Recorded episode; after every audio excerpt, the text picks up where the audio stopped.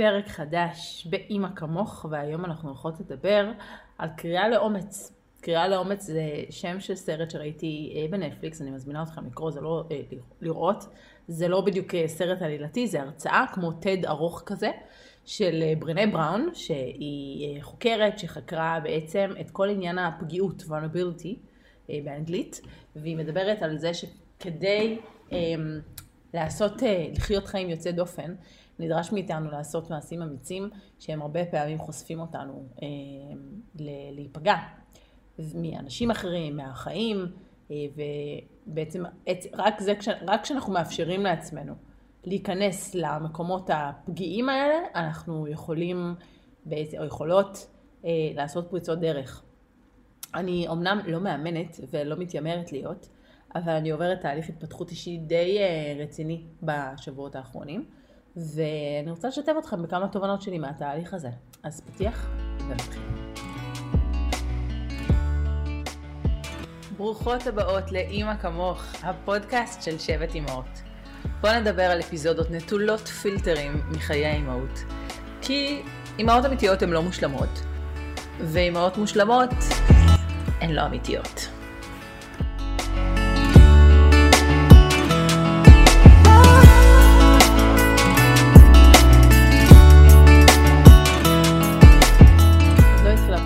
כבר עם דמעות בעיניים, כי אני חושבת שהדבר הכי אמיץ שעשיתי אי פעם בחיים שלי, זה, זה להיות אימא, זה להביא ילדים לעולם. ולמה זה כל כך אמיץ? למרות שזיליון אנשים עשו את זה. כי זה בעצם שם אותנו במקום הכי הכי הכי פגיע שאפשר. לאהוב מישהו, כמו שאנחנו אוהבים את הילדים שלנו, אני התחלתי בתותחים הכבדים כמו שאתם רואות, זה לחשוף את עצמי, להיות מאוד מאוד מאוד פגיעה. כי אם משהו יקרה לאחד הילדים שלנו, אמ, ואני רק יכולה לנחש שיש כאלה ש, ש, שמאזינות פה וקרה משהו לאחד הילדים שלהם. אמ, ובדיוק הייתי שבוע, לפני שבועיים בשבעה של אימא מהשבט, אימא משבט אימהות שאיבדה את הבן שלה בגיל שנה וחצי. היא בעצם היא או כל אחת מאיתנו בוחרות לחיות חיים יוצאי דופן בזה שאנחנו מביאות ילדים. נכון שאני תמיד מספרת על כמה זה קשה וכמה זה אה, אה, מתיש וכמה שזה בעצם מגביל לנו את החיים בהרבה מקומות, אבל תסכימו איתי אה, שאין דבר שנותן יותר משמעות לחיים שלנו מילדים. זאת אומרת, אני מאוד, אני לא איזה הם, מישהי ש, שנהנית להיות עם הילדים שלה כל היום, ממש לא, אני מקליטה את הפרק הזה אחרי סוף שבוע שבו ביליתי בעיקר במיטה, כי סוף סוף הגעתי לגיל שהם הגיעו לגיל שאני יכולה להיות במיטה ולא להיות צמודה אליהם כל הסופש, והם היו במסכים, כאילו, סבבה, אמרתי לעצמי, וואלה, יש סופי שבוע שאנחנו מטיילים, וזה הכי אינטנסיבי שיש. אני לגמרי נהניתי מהזמן הזה עם עצמי.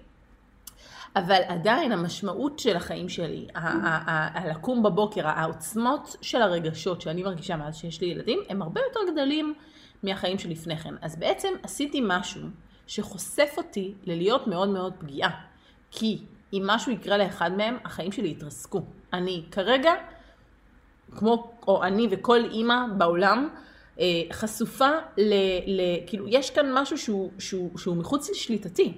אוקיי? שהוא לא בשליטתי. אני יודעת להיות אחראית על עצמי, אבל אם משהו קורה לאחד הילדים שלי זה לא בשליטתי, וזה הדבר שירסק אותי יותר מכל דבר אחר. ובעצם זה שאני בוחרת לעשות ילדים, בוחרת אה, אה, במעשה האמיץ הזה שחושף אותי לפגיעות מאוד מאוד גדולה, אני חיה חיים יוצאי דופן.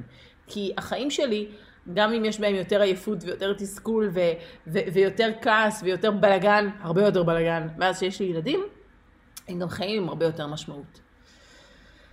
אז לקחתי את ה... אמרתי שהתחלתי בתותחים הכבדים, כי לקחתי את הדוגמה הגדולה הזאת, ואני שנייה רגע אה, אה, לוקחת את זה ל, לחיים שלנו בממדים הרבה יותר קטנים. כאילו, בואו בוא נרד רגע שנייה למיקרו, ולא רק במקרו, בפגיעות המטורפת הזאת של, של להיות אימא ולאפשר לעצמי להיפגע ככה, לאהוב מישהו, גם אם זה לא הילד שלך. להתאהב, להרשות לעצמך, לשים את עצמך ככה בחוץ, to put yourself out there, מה שנקרא, אותך ואת הרגשות שלך ואת החלומות שלך ואת ה, את ה, את, את הדברים שאת רוצה לעשות ואין לך אומץ לעשות, כל הדברים האלה, כל ברגע שאני אומרת אותם, ברגע שאני צועדת בדרך שאני רוצה לצעוד בה לעבר החלום שלי, אני הופכת להיות מאוד מאוד פגיעה. המקום הבטוח יותר הוא המקום שבו אני לא פגיעה.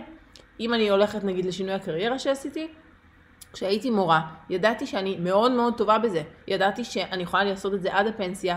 אני לא מסתכנת כאן ב, אה, ב, בהכנסה, זאת אומרת, אם אני עכשיו הולכת להיות עצמאית ואני לא מכניסה כסף, אז, אז, אז אני מסתכנת, אני, אני יכולה להיות פגיעה בתור מורה.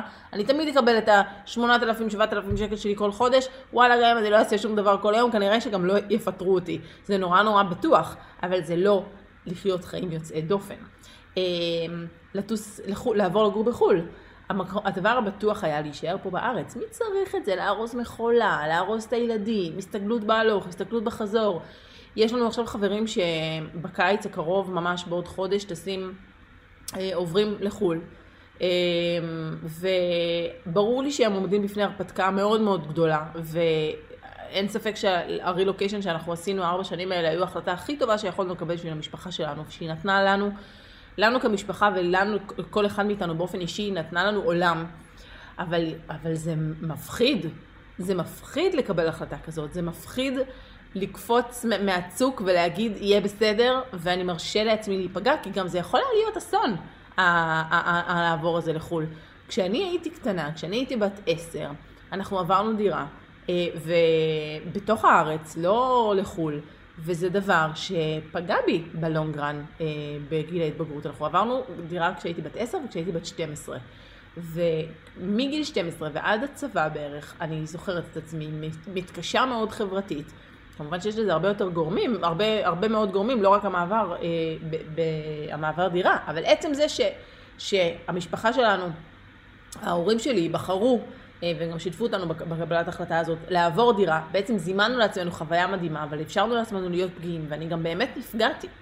אבל אם לא הייתי נפגעת ככה, לא הייתי נחשפת לכל הדברים הטובים שהמעבר הזה נתן לנו, או וכנ"ל הילדים שלי היום, שהם עכשיו אנחנו שנה בארץ והם עדיין מסתגלים והם עדיין סוגרים פערים, ויש להם הרבה מאוד קשיים, וזה המחיר שהם משלמים על זה שנחשפנו לפגיעה בזה ש... עברנו לחו"ל, אבל הרווחנו מזה הרבה מאוד דברים נוספים. פתחתי אה, תיבת שאלות בסטורי לפני שהקלטתי את ה... לפני שהתחלתי להקליט את הפרק הזה, ושאלתי, מה החלום שלכם? מה הדבר שאתם רוצות לעשות ואין לכם אומץ לעשות? אה, מהו הדבר ש... שאתם, אה, יש, שהוא בראש שלכם כמשהו שאתם רוצות לעשות, אבל, אבל אתם לא מרשות לעצמכם?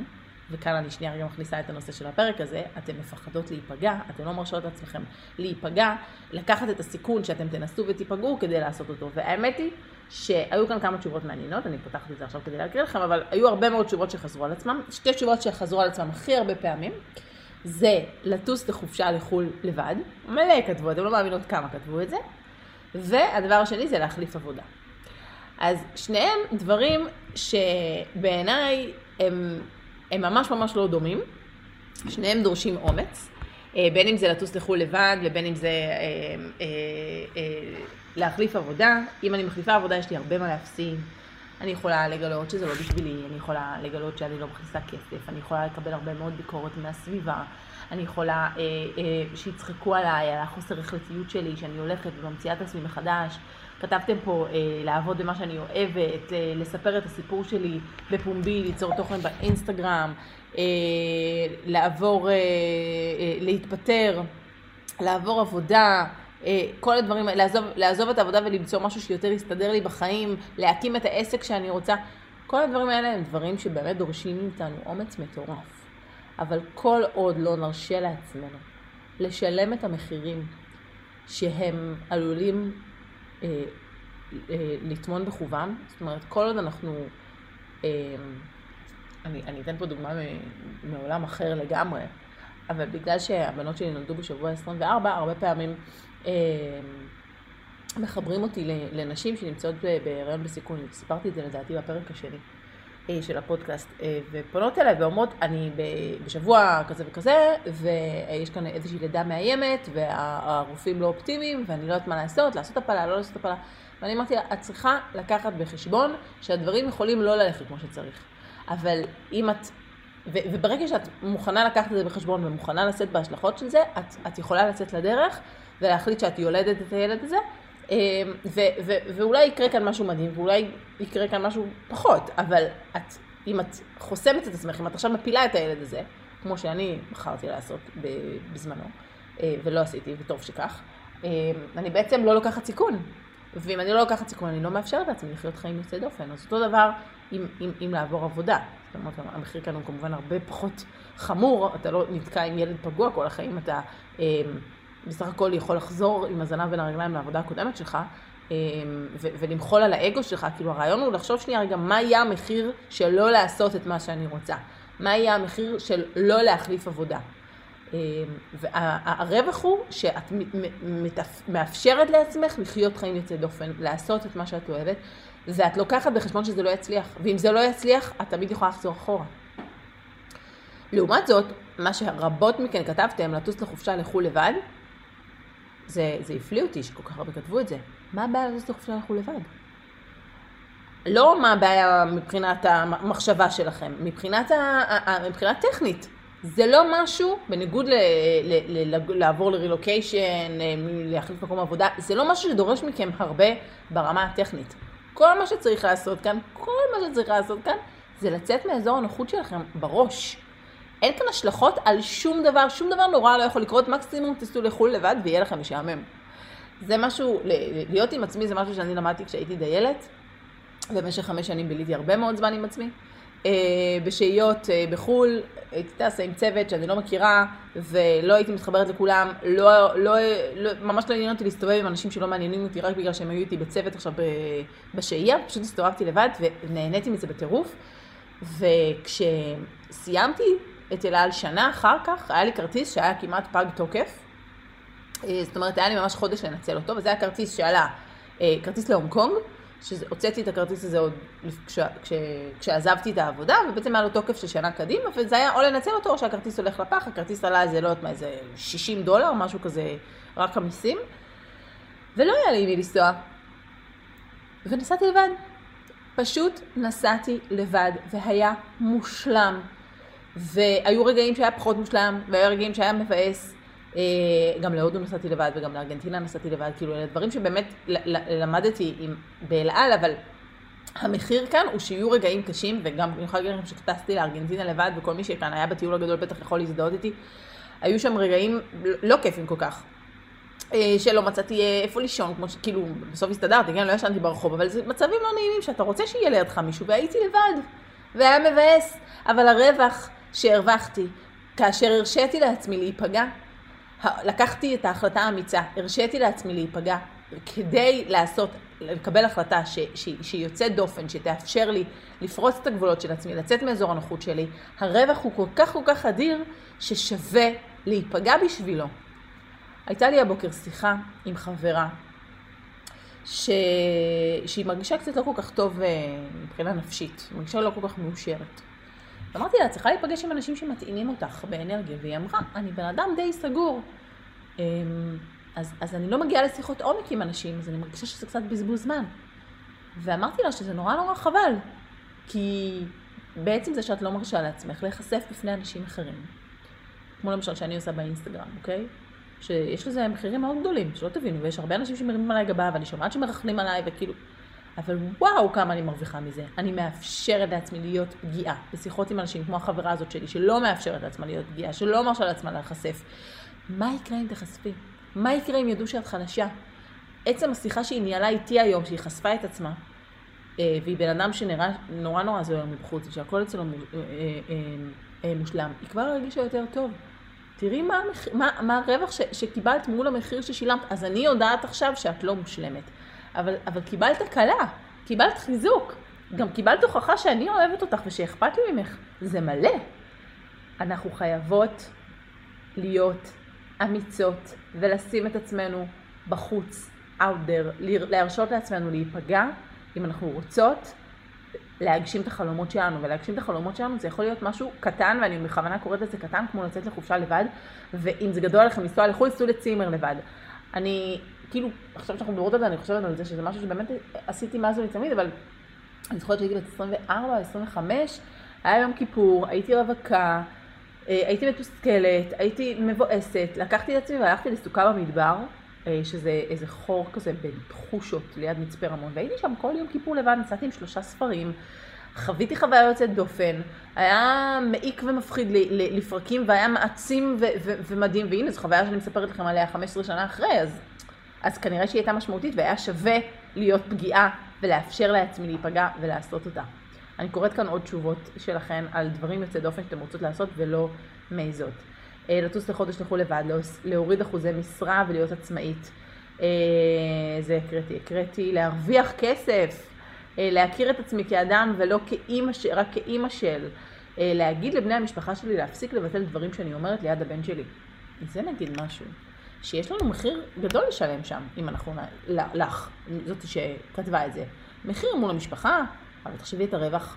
תחשבי איזה רווח את מרוויחה כאשר את תעמדי על שלך מול הבן שלך. יש שם מחיר, אני לא אומרת שלא, אי אפשר להתעלם ממנו. אבל הרווח, הרווח של לאפשר לעצמי להיות פגיעה, הוא מטורף. אמ, להירשם לקורס כתיבה, המחיר, מי זאת, יגידו אולי מי זאת, מה היא חושבת לעצמה, להירשם לקורס כתיבה, מה חושבת שיודעת לכתוב, איזה מחיר שהוא כלום, לעומת מה שאת תרוויחי מאותה סדנת כתיבה.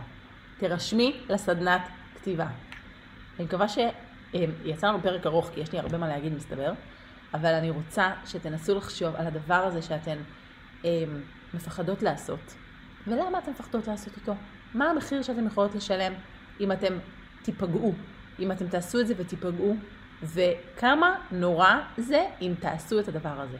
כמה זה יהיה נורא אם תחליטו ללכת על זה במחיר של להיפגע ומה הרווח שאתם יכולות לקבל מזה? יצא לי הכי מאמנת שיש, אני מה זה לא מאמנת? תקשיבו, זה לגמרי, אני מספרת לכם את הדברים שאני חווה עם עצמי, מקווה שזה עוזר לכם, אם אהבתם, שתפו את הפרק הזה בסטורי, ספרו לאנשים שיבואו לשמוע את אימא כמוך, ונתראה בפרק הבא.